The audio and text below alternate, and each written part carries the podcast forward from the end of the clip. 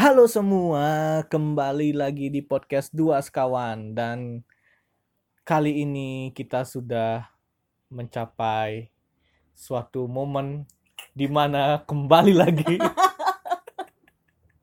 Setelah hibernasi ya. hibernasi selama satu bulan. Yes. Puasa.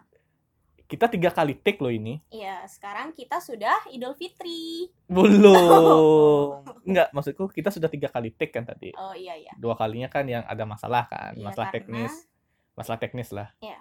Dan selama tiga kali itu take, saya tidak pernah meminta Anda untuk ngomong duluan. Oke. Iya, no. Nggak belajar dari kesalahan adalah Gemini. Anda juga. Saya belum ingin memperkenalkan Anda, Anda kenapa nyerocos duluan? Jadi suara saya kedengeran gitu loh, guys. Jadi orang-orang tahu kan bahwa Anda tuh caca. Sain ya, Caca. Caca. Caca salah. Ya, ini uh, sekarang aku udah bersama Genfil dan Mari, Dan Maris, typo, pengembala pengembala sapi. domba kan Oh yang iya. tersesat. Ayo yang tersesat bisa saya gembala. Sekarang uh, sama Kak Genfil kita akan membahas suatu apa ya, opini Ya, opini dari salah satu teman kita. temanmu. Temanmu lah, Kok teman kita? kita. Oke, Dinda setelah sudah berteman dengan Genfil. Sekarang Dina jadi teman aku ya, Din. Uh, opininya tuh soal apa nih? Eh, tentang aborsi. Kenapa tidak kamu kasih kisi-kisi dulu sih? Oh, clue ya? Oh, Tentang iya. eh, Udah telat. kegiatan yang Kegiatan yang dilarang oleh agama dan hukum ya. ouch. Agama yang mana? Kayak semua agama ada yang melarang ini. Maksud, Kayaknya ya. maksud saya agamamu yang mana? Salah ya. Kurang spesifik sih kayaknya tadi. Ya, jadi dari Kak Dinda Septiara, salah satu teman kita yang mengungkapkan eh, apa ya? Opininya. ya opininya berstatement tentang eh, aborsi di sini. Bisa langsung dibacakan saja Kak Bayu? Langsung saja Kak Genfil bicara. Oke, jadi Kak Dinda di sini bercerita bahwa akhir-akhir ini dia sering banget ngelihat berita yang ada di TV tentang klinik-klinik kesehatan yang digerebek oleh polisi. Satpol PP. Polisi, Bro. Duh, polisi main bukan ada. bukan satpol pp lagi nih kelasnya.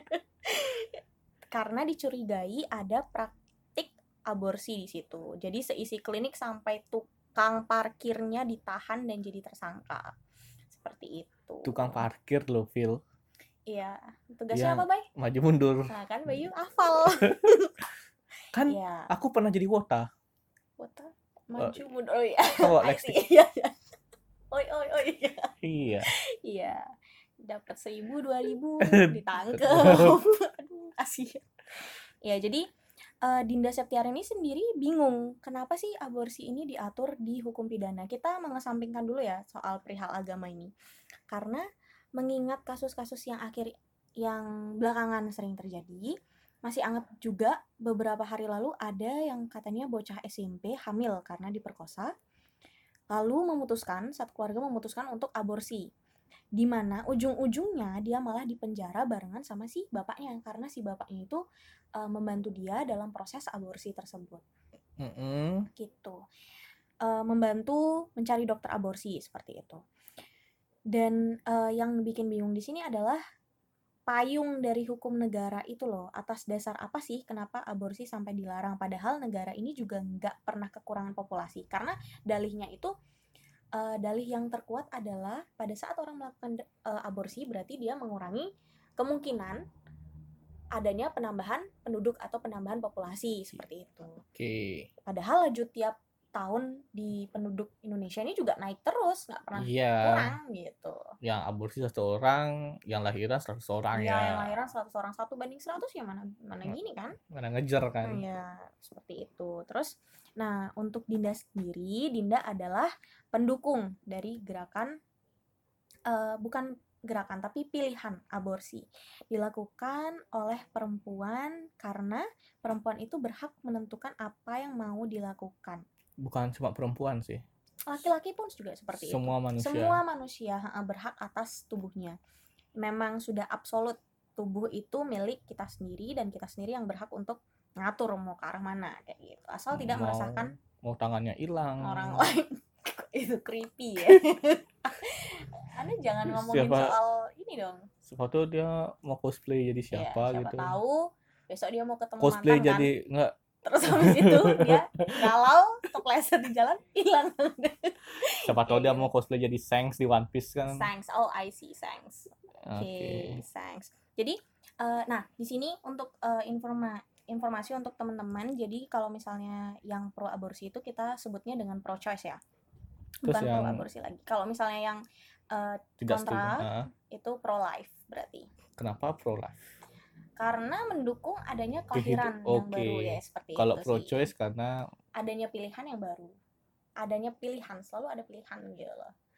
Mau move on atau enggak?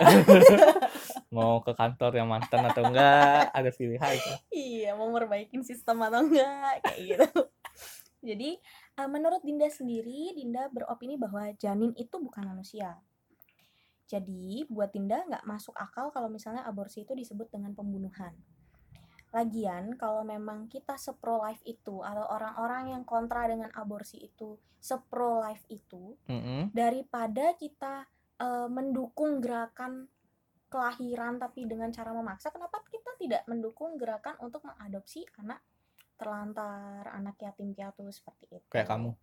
Loh, saya punya kamu dah. Baik kayak temanku berarti iya, kayak iya, temanku. kayak temanku juga ada, Ada. ya. Yang di sana entah siapa. Pacarmu? Maksudnya gimana tuh? Terus eh, Dinda juga di sini bercerita tentang eh, betapa krusialnya bulan-bulan pertama pada saat kehamilan. Krusial banget. Jadi mental anak yang lahir ketika ibunya itu tidak emotionally stable, tidak stabil secara emosional itu sangat berpengaruh kepada calon anak yang akan lahir. Mm-mm. Jadi kalau misalnya ibunya tidak stabil, maka calon anaknya pun tidak akan stabil pada saat lahir. Seperti berarti itu. berarti gini Phil menurut aku ya Mm-mm. kalau misalkan ada ibu yang sedang mengalami gangguan jiwa Mm-mm. dan tiba-tiba dia hamil Mm-mm. berarti ada kemungkinan besar sekitar 80% anaknya pun juga akan mengalami depresi, depresi atau sem- iya iya, karena anxiety. stres ya, anxiety seperti insecure. Insecure. Insecure. Oke mari kita bersuki cure. Aduh ya seperti itu. Soalnya kan yang ibunya normal dia punya anak depresi kan ada Mm-mm. mm buat depresi anaknya apalagi yang anda ibunya. jangan nunjuk ke saya dong. Anda nunjuk ke depan itu cermin. Depan itu cermin mandul ke saya seperti itu jadi memang berpengaruh ya dari apa yang terjadi di ibunya semasa dia mengandung itu itu deh yang akan mempengaruhi waktu anaknya lahir seperti itu. Tapi kemarin kamu udah lihat nggak berita-berita di sosmed yang anaknya kayak artis Korea gitu dibilang ibunya suka nonton drakor dan sebagainya. Tau gak sih itu? Itu. Mempengaruhi itu saya tidak bisa berstatement. Mungkin sering makan es kelapa. Apa Minum. hubungannya minum es kelapa. Jadi kan mungkin air ketubanya bersih jadi kulitnya terawat gitu kulit bayinya. Maybe. Apa waktu janinnya disuntik vitamin C? Eh, agak ekstrim ya gitu. Glowing Saya sejak dini. Glowing glowing sejak janin. Vitamin C. Ibunya bisa minum vitamin C tiap hari. Asam lambung terus ah, nah Dinda sendiri bercerita dan eh, ya membagi kisah tentang orang tuanya dia sendiri. Orang tua gue kadang heran kenapa mentalitas gue bertolak belakang sama si adik. Jadi belakangan gue tahu kalau misalnya waktu hamil waktu hamil gue nih si mama itu sempat stres berat dan bilang mau mati aja. Dikit-dikit eh, bentar lagi pasti bilang mati. Papa gue bilang kalau misalnya mama sebenarnya dulu tuh mau udahan aja hamilnya gitu oh berarti si Dinda ini mau diaborsi dulunya Iya sebenarnya mau diaborsi seperti itu. Waktu kecil sampai eh, SD, gue cenderung jadi anak yang tukang cemas, tukang nangis tiba-tiba, kadang histeris tanpa alasan, dan juga gugup. Anaknya tuh gugup, anxiety, ah, gitu, ah, paranoid. Itu gagap. oh. itu gagap sih. Tapi bisa sih kayak gitu. Nice try. Terus akhirnya eh Dinda itu dikenal sebagai anak yang sering meledak-ledak, jadi emosinya tidak stabil. Kadang jadi bulan-bulanan dari bocah-bocah nakal, kayak gitu. Dia Korban berarti bully. lari ke suatu tempat ibadah. Aloha snack bar. bulan-bulanan bocah nakal. Meledak-ledak. nggak kayak gitu sih loh gelap juga lalu eh ya itu si Dinda berpikir kenapa sih dia bisa seperti itu sedangkan adiknya itu happy go lucky banget anaknya jadi ke mana aja tuh cocok humble gitu friendly Atta gitu. Halilintar banget ya. seperti Atta Halilintar. Humble, laki, gembira terus. gembira terus terus Pernah lihat Atta Halilintar nangis enggak kan? enggak sih kaya juga Kayak iya apa dong? Apa youtuber terkeren di Indonesia gitu? Nggak ada lawan sih. Terus ternyata setelah diselidiki, waktu hamil adik itu mood mamahnya itu bagus terus. Setiap hari itu optimis saja terus. Kenapa bisa berbeda? Alasan utamanya karena waktu hamil Dinda, mamahnya itu sebenarnya terlalu muda dan belum siap secara mental. Maunya gugur, tapi maunya yang gugur ini, tapi ternyata tidak gugur-gugur si Dindanya gitu. Berarti- Kuat janinnya. Iya berarti si gitu. Dinda ini punya kekuatan super saya. bukan super Maaf, saya, Dinda. super saya, Apa dong? QB. Q. Dinda dia seorang Jinchuriki. Kalah aku bro. Ekorku cuma satu. hmm. Maaf Dinda. Punten. Iya berarti bukan semangat juang sih kok semangat juang hidup sih. Dia pengen hidupnya tuh secara tidak langsung tuh kuat berarti kan. Iya iya iya. Tuhan sudah kun fayakun, Waduh, siapa Anda? Allah sudah kun fayakun. Ya terjadi ya terjadi. Seorang Mau Bayu. Iya iya iya. Mau diapakan kalau Dinda harus lahir ya lahir. Iya, sekarang aku tahu kenapa namamu itu Uzumaki Firaun. Tadi Anda membawa-bawa Jinchuriki. Apa sih? Iya Iya, Jinchuriki. Sekarang Anda membawa-bawa Allah kun fayakun. Jadi antara Jepang, Dan Arab. Mesir nggak sih? Oh ya Mesir. Kayak gitu, benturan ya. Jadilah terlahirlah Uzumaki Firaun. Firaun. Ya. Jadi Jadi Dinda bilang kalau misalnya kalian ngelihat aku yang sekarang nih, Dinda bilang "Eh, berbeda sama apa yang aku ceritakan di atas, tentu saja itu karena eh, Dinda sudah mengalami yang namanya proses pengkondisian. Jadi Dinda sudah belajar mengelola emosi dan tahu cara mengontrol sehingga nggak separah dulu. Oh berarti istilahnya Dinda ini sudah menjadi lebih baik kan? Iya, sudah menjadi lebih baik seperti itu. Sama kayak aku sudah menjadi lebih baik. Seperti itulah manusia berfluktuasi. Berfluk- berfluktu- berfluktuasi. berfluk- fuk- fuk- fuk. Iya, Anda membaik nggak? Aku membaik. Membaik. Nggak tahu besok. besok. besok Nggak tahu besok. Besok adalah the day-nya Bayu. udah day banget hari Day banget. hari Rabu besok ya. Besok juga the day sahabatku sih. Terus hubungannya ini sama aborsi apa ya gitu. Jadi Nggak ada. ada banget Din. Ada. Jadi tentu berhubungan karena sepertinya beberapa kasus kehamilan nggak diinginkan di sini terjadi karena kebentur hukum. Ada banyak sekali calon-calon ibu yang sebenarnya tidak siap untuk melahirkan tapi dipaksa melahirkan karena adanya tekanan dari hukum itu sendiri. Tetangga. ya itu juga. Tetangga. Tetangga tuh kayak aparat Hukum gitu hukum tidak ada apanya. daripada mulut. tetangga. Iya iya iya. Jadi banyak banget sebenarnya kandungan yang sebenarnya nggak diinginkan, tapi pada akhirnya apa? eh dipaksa untuk melahirkan dan ujung-ujungnya apa? Jadi muncullah isu-isu atau kasus-kasus di mana seorang ibu mengalami Baby blues. baby blues, kecap, baby blues. Mm-mm. Jadi eh, itu kayak eh, gangguan yang diderita oleh para perempuan yang baru saja melahirkan. Sebenarnya prosesnya itu dari dia mengandung sudah sudah Sudah ada mulai. heeh, sudah ada gejala-gejala seperti itu kan. Sebenarnya perempuan juga punya insecure yang parah banget pada saat dia baru saja melahirkan. Hmm. Iya dong, insecure badannya nggak bagus lagi. Satu. Iya. Dan banyak yang harus dia urus setelah Mm-mm. itu. Kurang tidur apalagi Iya benar banget. kita kurang tidur aja besoknya ngamuk-ngamuk kan Iya. apalagi ini gitu sedangkan perempuan yang sedang menimang bayi atau sedang mengurus bayi itu tidak diperkenankan untuk beremosi seperti Iya, itu. harus iya, harus ditekan. Haha. harus senyum Hmm. kayak temen iya kayak temanku habis eh, malamnya putus sama pacarnya. Karena dia kerja di suatu tempat yang harus dia senyum terus. Lagi galau-galaunya. Harus senyum-senyum sama customer. Malamnya mabuk dari sini. Welcome bro. Rumahku sarang penyamun. Kau mau mabuk? Welcome.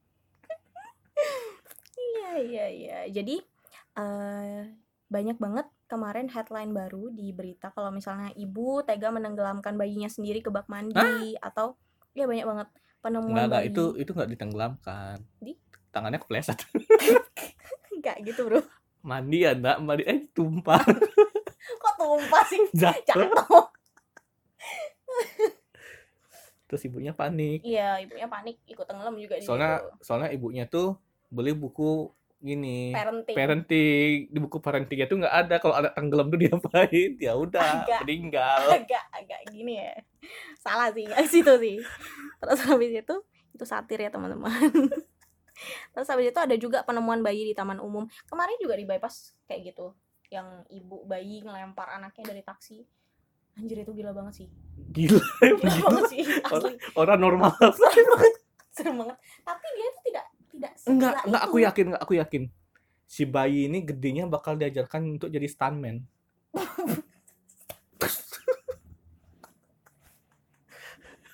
Iya, iya, iya. Gatel hidungku, baik. iya, iya, iya. Terlatih sejak dini. iya Tapi emang serem banget sih itu. Eh, pada saat sadar ibunya tuh langsung nangis teriak-teriak gitu di rumah sakit. Dan itu diamankan kebanyakan kan aparat tuh laki-laki ya. Jadi iya. dia tuh tidak dapat apa ya pelukan yang tepat tidak dapat penenangan yang tepat. Iya, aku memang mencerat loh ini. Ya Allah. Bayu baru denger kata pelukan. Jangan dong langsung pasang kuda-kuda seperti itu kamu tahu? Mentang-mentang janda. Bukan punya bukan. anak. Bukan masalah jandanya bukan butuh punya pelukannya. eh keningku keluar kalau mendengar ibu-ibu perlu pelukan ibu-ibu ada satu perlu pelukan adrenalinnya terpacu ya. Pengen ke bypass. Jaga-jaga coba tahu ada ibunya boleh para anak lagi deh. Tangkap anaknya taruh tangkap ibunya jadi eh, ya Dinda di sini bilang ke teman-teman semua kalau misalnya janganlah sekali-kali kita itu nyocot sembarangan. Maksudnya jangan sekali-kali berkomentar sembarangan tentang makanya jangan kebelet ngewe dong kayak gitu. Atau kalau gitu pakai kondom dong atau enggak morning pills juga yang Kenapa nggak- banyak kayak gitu. Kenapa nggak langsung bilang makanya kebiri dong. Nah iya. Kenapa nggak kayak gitu? Sekalian. Sekalian tapi itu tidak pro life kan kita harus punya anak juga bro. Oh iya. Kalau dikebiri kan nggak bisa punya anak Oh, kayak iya. gitu nggak sih? Udah punya anak salah nggak Nggak punya, anak, salah, susah. Steril salah kayak gitu. Emang manusia itu tempatnya salah. Iya jadi kebenaran hanya milik Allah. Oh dan Fir'aun nggak sih? Yes. Maki juga nggak? Dan semua Fir'aun. semua kebenaran hanya milik Bayu seorang. Itu yang benar. Loh. Iya. Ya aku tidak mau melampaui Tuhan. Iya. karena Tuhan di atas segalanya. Ada kenapa ketawa? Tiba-tiba agamis ini karena besok ada cobaan yang berat guys. Makanya dia sekarang agamis banget. Lihat deh abis ini dia bakal sholat ya nggak sih? Enggak gitu. Hmm. Terus habis itu jam 12 sholat lagi Baca- mandi baca doa deh Hmm. jadi eh, Dinda menjelaskan bahwa seks itu manusiawi sebenarnya bukan cuma Dinda sih yang berstatement seperti ini aku pun juga Aku juga merasa iya. iya seks itu manusiawi dan masuk ke dalam kebutuhan primer sama halnya seperti makan dan minum kadang orang uh, istilahnya pria ya Mm-mm. kan aku ngalami sendiri ya misalkan Mm-mm. Aku tidak melakukan hal seperti itu. Mm-mm. ada apa sih namanya hal seperti itu? hal seks itu. Iya, aku tidak melakukan. Aku nggak pernah kan? Mm-mm. nggak pernah dan iya ada namanya mimpi basah. Oh oke. Heeh. Nah, jadi kan itu secara- mimpi iya kan secara tidak langsung itu oh Em- iya iya emang iya harus heeh. emang harus ada yang saatnya keluar gitu loh. Kan kita tidak makanya benar ini. Iya ada saatnya keluar ada Mm-mm. saatnya masuk. Iya. Iya iya iya. Paham paham paham sih. Walaupun kita tidak melakukan itu tapi memang alam bawah kita, sadar ah, iya, ah, iya. alam bawah sadar kita butuh itu. Iya jadi benar. didorong banget. Ketika kita mimpi untuk pria ya seperti Iya, itu. Makanya ada namanya mimpi basah. I see. Oke keren. Keren juga emang. Ya, ranking tiga. Metabolisme. Oh iya. Bukan maksudnya metabolisme tubuh manusia itu loh keren. Keren gimana? Ya I mean walaupun kita tidak bisa melakukan itu secara sadar tapi alam bawah sadar kita tuh merekam muscle memory kita itu mengingat itu dan jadi menjadikan itu sebuah kebutuhan yang benar-benar mendesak. Jadi pada saat kita tidak sadar itu keluar. Keren gak sih? Keren. Ya, keren. Tapi itu kan kalau orang yang bisa melihat. Melihat apa maksudnya? Kok saya Melihat. keren? Suka iya kan keren? kamu tadi Kok bahasamu bahasamu merekam kan? Iya merekam. Ya, berarti kan dia pernah melihat kan? Iya. Nah. betul. bagaimana dengan orang yang tidak bisa melihat Loh, bukan ke situ maksudnya. Maksud saya Merekam. itu adalah otak kita, Oh. bukan mata, Bro. oh gitu Iya. Bayi mau gelap-gelapan ya? spesifik jangan dulu, dong kan jangan aku dulu, jangan pikiranku dulu. aneh-aneh nih spesifik ngomongnya Jadi eh ya jadi si Dinda itu mengingatkan kita jangan sekali-kali untuk ngejudge judging orang seperti itu. Mentang-mentang dia kebo kebablasan ya, kebablasan dan kebobolan. Jadi kita tuh bisa seenaknya bilang makanya jangan kayak gini, makanya harusnya kayak gitu, kayak gitu. Tapi nggak semua orang itu loh, nggak semua orang mengerti kalau misalnya kita bisa meng apa ya, mengkonsumsi morning after pill setelah kita having sex. Tidak semua aku orang. juga nggak tahu apa Iya, itu bahkan Bayu pun tidak, tidak tahu, tahu tentang hal itu. Iya, jadi memang tidak semua orang mengedukasi eh, teredukasi atas Dengan hal mor- itu. Ya, morning after pill morning after pills. Kalau kondom mungkin sudah banyak yang tahu ya, Iya. lumrah lah. Tapi kalau misalnya morning after pills itu memang tidak semua orang tahu seperti mereknya saja kita tidak tahu seperti apa seperti itu. Kalau memang itu bisa mencegah covid nggak enggak sih, oh enggak enggak bisa sih. Tapi bisa mencegah punya keturunan pengeluaran lebih banyak iya, alias keturunan kayak gitu jadi eh, morning after pills pun kadang eh, banyak sekali disalahgunakan. Maksudnya disalahgunakan pakai dan salah salah misinformasi gitu loh. Kayak mis communication. Uh, uh, miscommunication tapi apa bedanya? misinformasi sih kalau aku bilang ya. Heeh. kadang kalau misalnya kita beli di apotek gitu ini Mm-mm. pengalamanku sendiri eh mas mas tukang tukang masuk. Bawa talkie talkie kijang satu. Kijang satu ganti. Jadi waktu itu aku beli morning after pills. Di apotek. Di apotek ya apotek. Kebetulan apotek itu apotek kecil ya jadi tidak terlalu seperti masuk gang gang gang. Kimia farma kayak gitu ya. Kimia farma kan gede ya tapi iya. ini yang kecil gitu kecilan. Segini? Segini. Nggak bisa dilihat kan? Kalian nggak Nggak tahu kali ya. kalian nggak tahu. Jadi eh, di situ mas-masnya itu ngasih informasi yang menurut aku keliru. Pada saat itu eh, dia bilang kalau misalnya mbak pakainya itu tujuh hari ya setelah mbak melakukan itu. Kalau misalnya aku telan itu mentah-mentah dan tidak mengedukasi diriku dengan searching lagi Heeh. lebih eh, apa namanya explore lagi lewat Google or maybe nanya-nanya sama orang-orang yang sudah tahu gitu mungkin aku bakal kebablasan mungkin seperti itu kebobolan mungkin. Alhamdulillah kan? Alhamdulillah tidak. Alhamdulillah tidak ya. Jadi eh, sebenarnya adalah morning after pills itu dikonsumsi maksimal 72 jam sebelum ya maksimal sebelum 72 jam seperti itu. setelah, setelah melakukan itu setelah sebelum 72 jam. Betul seperti itu. Bahasa anda itu. Pinter deh ranking tiga. Bayu ranking tiga yay gitu. Jadi tidak semua orang bisa teredukasi dengan hal seperti dengan itu. hal seperti itu. Gitu kita yang anak milenial kita yang anak apa ya modern saja tidak tahu. Banyak yang tidak tahu akan hal ini. Apalagi mereka mereka yang orang rural lah katakanlah seperti itu. Bisa saja mereka menganggap seks adalah sarana rekreasi yang kayak gini nggak bisa eh, yang kayak gini nggak akan bisa diaplikasiin ke semua orang secara rata. Paham nggak? Hmm, enggak. sama kayak sembako Heeh. tidak semuanya dapat kan Oh. Sip. Paham aku langsung. jadi jadi eh, saat terjadi kehamilan pun ya mereka taunya cuma ngelahirin karena mereka didoktrin seperti itu Oleh oleh agama bukan aku yang ngomong dan juga oleh ya stigma dan society mereka dari mulut tetangga.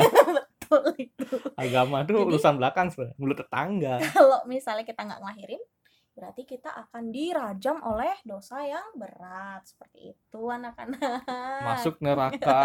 masuk neraka digantung kayak gitu Iya. dan juga eh, nggak bakal kelar juga urusannya sebenarnya kalau misalnya kita pun akan mengomentari hal-hal yang seperti itu mereka akan menangkis itu dengan kalimat punya punya anak kan berarti punya rezeki banyak anak kan berarti banyak rezeki seperti itu Bayu Banyak anak banyak rezeki. banyak anak banyak rezeki Kalau anakmu berguna iya. kalau anakmu bisa jadi babi Bukan. bercanda Kalau anak kamu itu bisa sukses seperti Pak Bakri. Iya benar.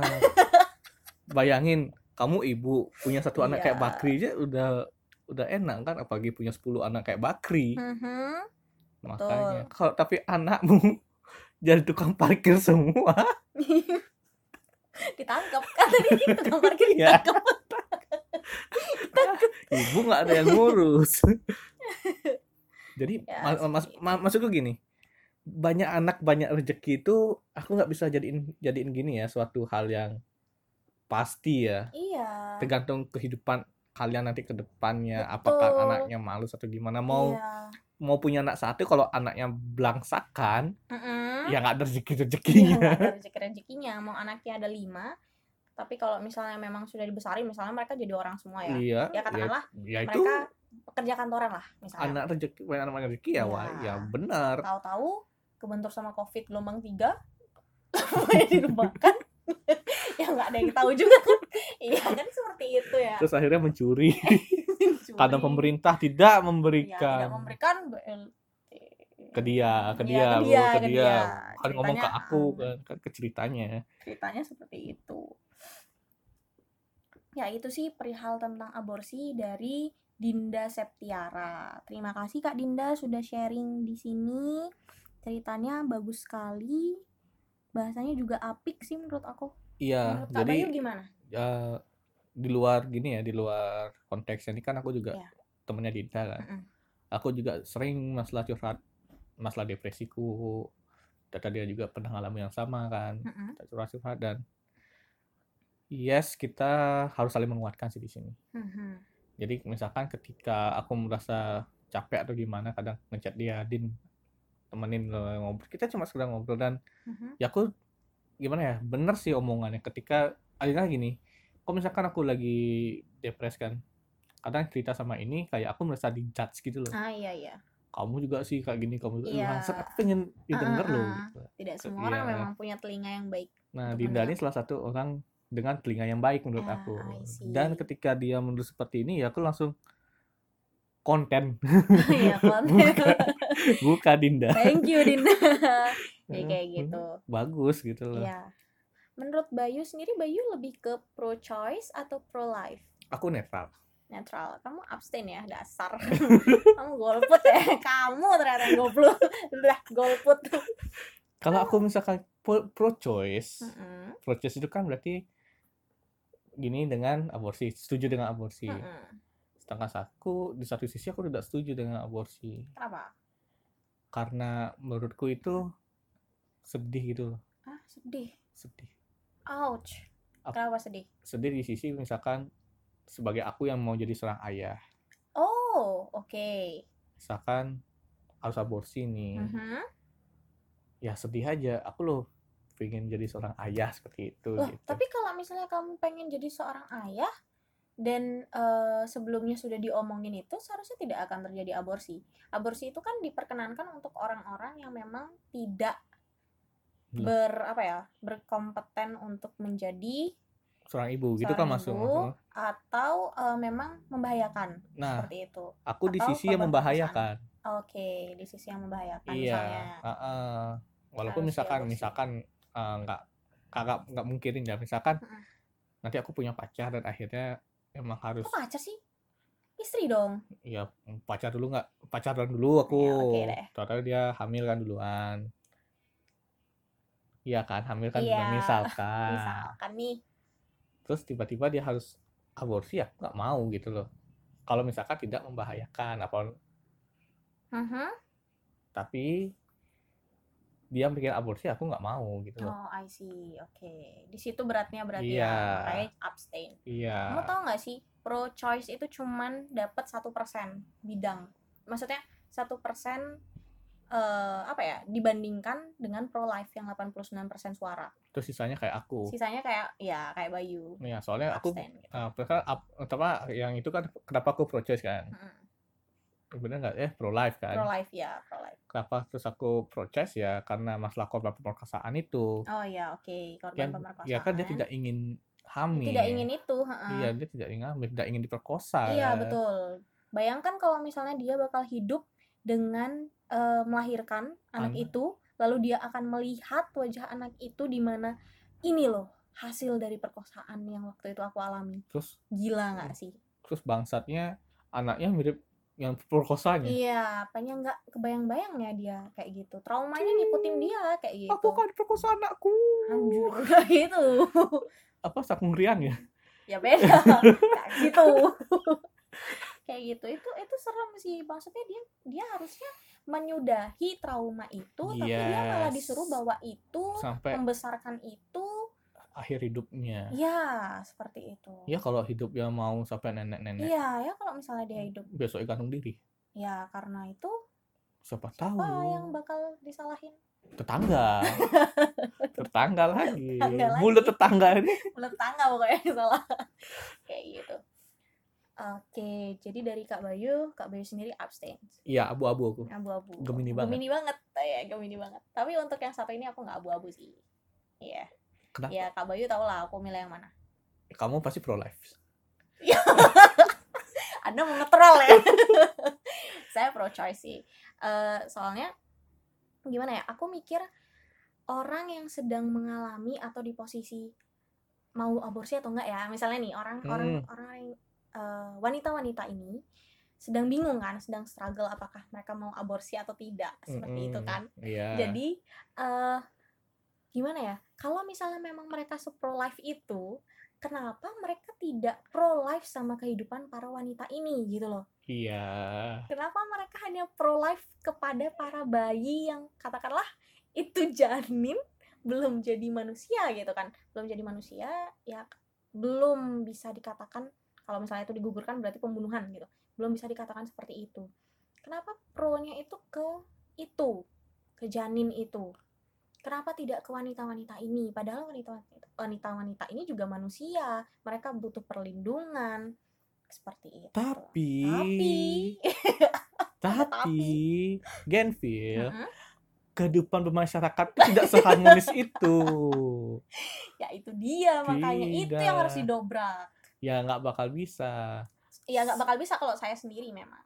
Ya kalau saya sendiri juga tidak bisa jadi Itu ayo dia. kita gerakan dobrak Iya, ayo bungkam mulut tetangga Bungkam tetangga. bukan bungkam yang mengkritik bangsa benar gak sih Bungkam mulut tetangga. Iya, tetangga. Iya, iya, iya. bukan membungkam orang yang mengapresiasi untuk kemajuan bangsa Iya. Harusnya seperti itu. Pro choice itu harusnya bisa bisa berdiri sih di sini. Harusnya ya. Eh, Dengan- karena tapi budaya susah. budaya Ya, budaya kita kebentur sama itu juga sih. budaya Masih patriarkis. mm, patriarkisnya masih keras. kental banget. KNTL banget. KNTL banget. Ya gimana ya? Agak paradoks sih sebenarnya dan jomplang juga. Orang-orang dilarang untuk aborsi. Para wanita yang menjadi korban itu dilarang untuk aborsi tapi eh, mereka tidak difasilitasi fasilitas pelayanan kesehatan yang tepat. Seperti itu. Misalnya mereka bisa kan aborsi Mm-mm, mereka bisa kan aborsi kalau misalnya mereka mm-mm. eh katakanlah mereka itu diperkosa Iya. atau memang tidak sesuai dengan kesehatan mereka pada saat mereka melahirkan. Iya. Tapi kenapa orang-orang yang seperti itu pun kasusnya masih ditangkap? Karena orang-orang tersebut memilih praktek-praktek yang notabene-nya ilegal. Iya. Nah, kenapa orang-orang bisa sampai memilih Kan karena notabene? murah. Iya, karena murah, Tidak karena Perlu tetek tidak bertele-tele seperti itu, karena langsung prosesnya seperti itu. Nah, berarti kan ada yang salah dari rangkaian sistem yang diajukan oleh Nggak, nggak pemerintah salah eh, salahnya di sini aja sih. Menurutku ya Phil ya. Mm-mm. Kenapa sampai ada undang-undangnya, sampai Mm-hmm. berbelit-belit ini ya karena untuk keamanan si ibu juga satu. Mhm. Yang kedua ya karena untuk gini apa ya? Ya, kok udah di lidah nih mau ngomong. gimana gimana? Coba coba keluarin dulu lidahnya. Nah, Kalian nggak bisa lihat lidah Kalian saya. nggak bisa lihat. gimana gimana? Untuk eh, keselamatan ibu juga kan. Ah. Satu. Terus yang kedua buat gini. Si untuk janinnya. Justru kalau misalnya difasilitasi dengan nyaman dan benar, harusnya memang kenyamanan ibu, keselamatan ibu ataupun keselamatan eh kita nggak ngomongin si janinnya ya, keselamatan si ibu dan kesehatan si ibu ke depan itu bakal terpenuhi di sini.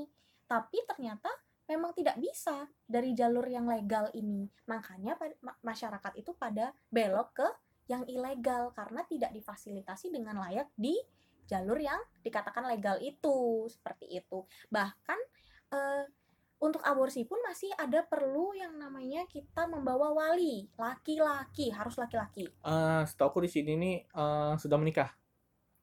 Eh, tadi ada yang bapaknya bisa kok Ya itu kan ilegal. tapi ilegal ya Nggak maksudku yang Iya. legal ini kamu harus status di KTP-mu menikah, Mm-mm. setahu menikah, status KTP menikah dan dan harus itu ada izin iya izin harus dari ada pihak izin keluarga. iya harus ada harus ada izin dari pihak laki-laki Kalau dari sini kan nggak nggak usah. nggak usah nggak usah Kamu tinggal gitu tinggal minum obat aborsi beres deras. Kalau di sini ada yang kuret sih iya kalau di sini ya udah harus- belit iya, ini kamu bengeknya sini itu. ya, orang ya, seperti itu keburu malu duluan. Iya, keburu malu duluan ditanya-tanyain kayak gitu. Jangankan proses aborsi, proses cek darah untuk tes kesehatan HIV AIDS saja di sini tuh diteriakin sama pihak puskesmas padahal itu gratis ya. Mm, Itu gratis cek kesehatan eh, darah. Eh, aku sering sih.